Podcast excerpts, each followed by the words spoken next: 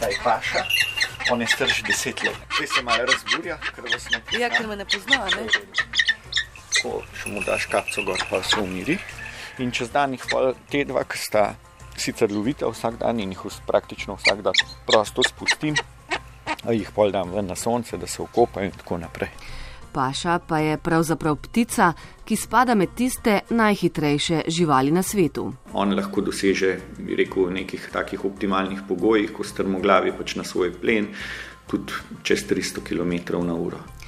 Njegov lastnik oziroma skrbnik je veterinar in sokolar Roman Savič, ki so ga ptice ujede navdušile že pred leti, ko še ni bilo spleta in literature o sokolarstvu in ko so bile ujede poznane kot škodljivci in se sploh ni govorilo o njihovem varstvu. Če konkretno rečemo sokol selec, ki jih imam in ki jih tudi vzrejam, on je bil v času uporabe DDT-ja, se pravi nekje 70-ih let, 80-ih, praktično v Evropi in Severni Ameriki na robu oziroma je izumrl na nekaterih področjih in uh, sokolari so ravno zaradi tega, ker so znali te ptice vzrejati in pa tudi vračati v naravo, pravzaprav uspeli to populacijo spet obnoviti. O začetkih sokolarstva obstaja tudi legenda, ki pravi, da je pred več tisoč leti nekje v Aziji človek ujel sokola. Da bi spoznal duha te divje ptice, jo je hranil in udomačil, potem pa izpustil. Ko je ptica odletela, je ujela plen in ga delila s človekom. Čeprav gre za legendo, dokazi kažejo, da umetnost sokolarstva res izvira iz Azije. Srečanjem vzhodnih in zahodnih kultur je prišla v Evropo in se razcvetela v srednjem veku. V srednjem veku pravzaprav se je sokolarstvo razvilo tako v neko obliko športa, ne? ampak samo ena veja. Mi še zmeraj vemo, da določeni območja sveta pravzaprav danes še zmeraj to lovijo zaradi preživetja.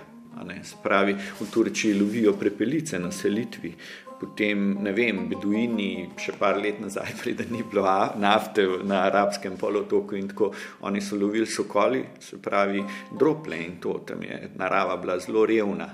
Se pravi, sokolarstvo, kot ga večinoma danes poznajo ljudje, oziroma ki ga povezujejo pač te neko ja, srednjeveško aristokracijo, v bistvu je bilo na področju Evrope, takrat je bil največji razcvet tega. Ampak potem, nekje v 18. stoletju, ko je prišlo do iznajdbe strelnega orožja, takrat je pa zadeva, bi rekel, nekako zgubljala na veljavi. Je pa res, a ne, seveda, razvilo se je sokolarstvo enostavno zaradi tega, da bi človek lahko prišel do hrane. Potem s časoma je postal en del sokolarstva, bi rekel, ena zabava, lahko družbe. Danes je pa pač spet nekaj drugega, je pa stik z naravo. Tudi naše območje ima na tem področju dolgo, več kot 800-letno tradicijo. Zapisi kažejo, da je sokolarstvo na Loškem obstajalo že na začetku 13. stoletja. Zdaj v bistvu zapisi kažejo, oziroma so zapisi iz območja Škofjeloke, kjer so bili eh, takrat eh, lastniki Freisingi o prisotnosti sokolarstva in potem še dalje, to se pravi okrog leta 1200. Eh, Na Loškem tam je obstajala in še zdaj obstaja ena vasica Pevno. Te domačini pravzaprav nekako so bili zadolženi za lov se pravi, oni so skrbeli za sokole oziroma ujede. Tako so imeli v bistvu nek privilegij, da jim ni bilo potrebno hoditi na tlako, v bistvu tako, da so skrbeli za te ptice. Tudi Ljubljana je imela v 17. stoletju svojega višjega sokolarskega mojstra, čigar služba je bila dedna. No, danes imamo pri nas dve sokolarski društvi, pa tudi Slovensko zvezo za sokolarstvo in zaščito pticojed, ki je članica Mednarodne zveze.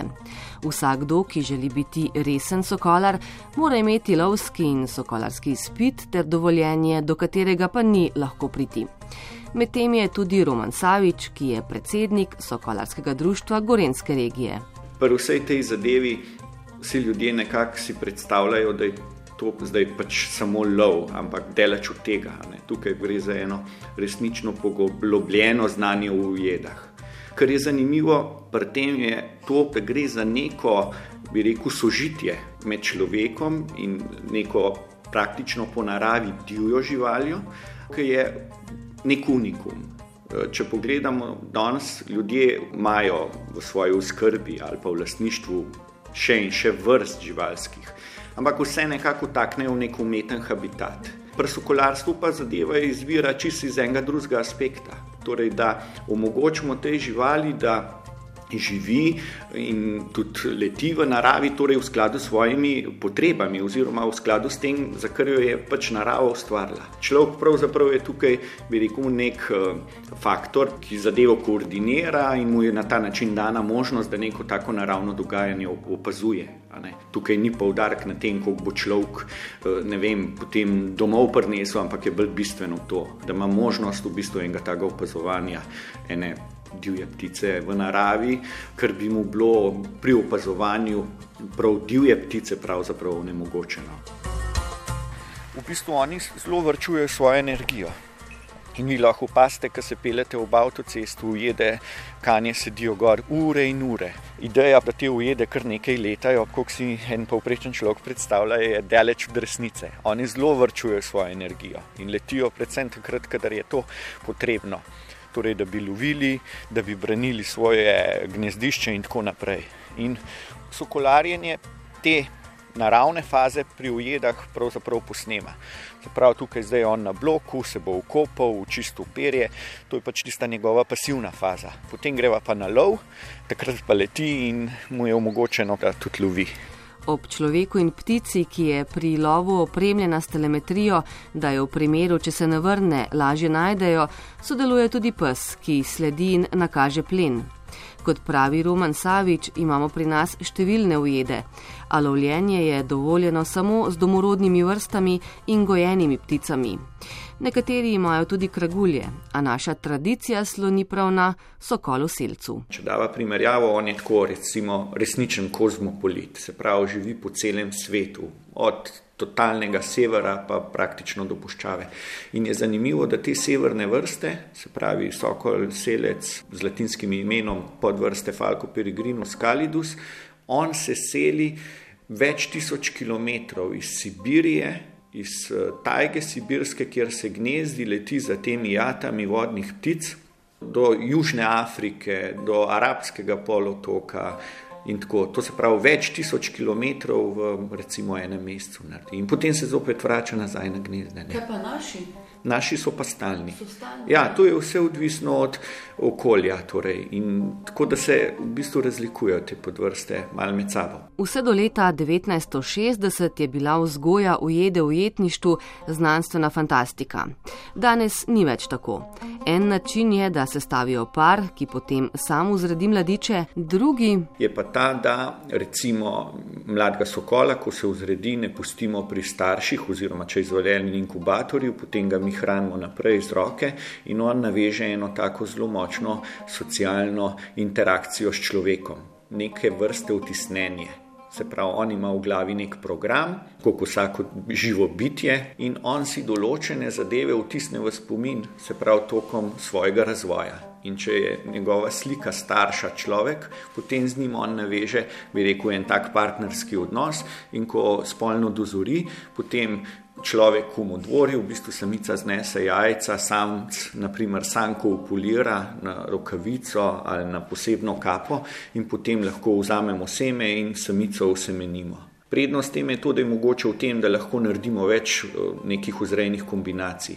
In ravno takrat, ko so bili v bistvu sokoli selci v ujetništvu redki in v naravi redki, in ko je bilo njihovega genetskega materijala zelo malo, ena taka metoda lahko določeno vrsto reši.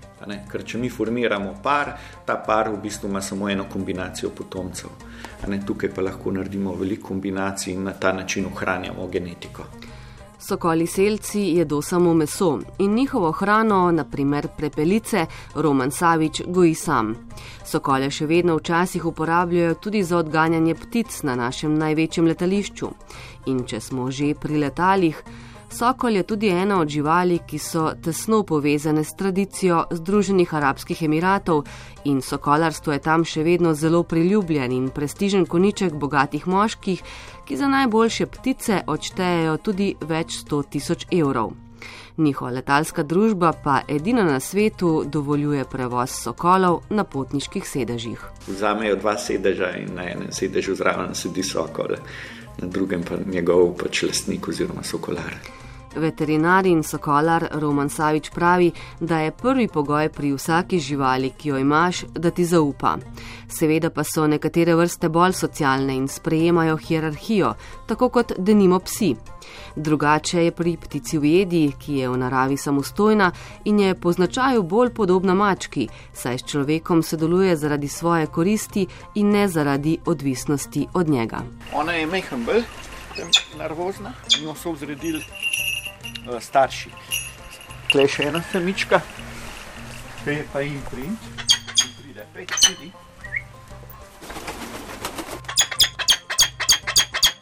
Pozdravlja, to je v bistvu dobro razpoloženje.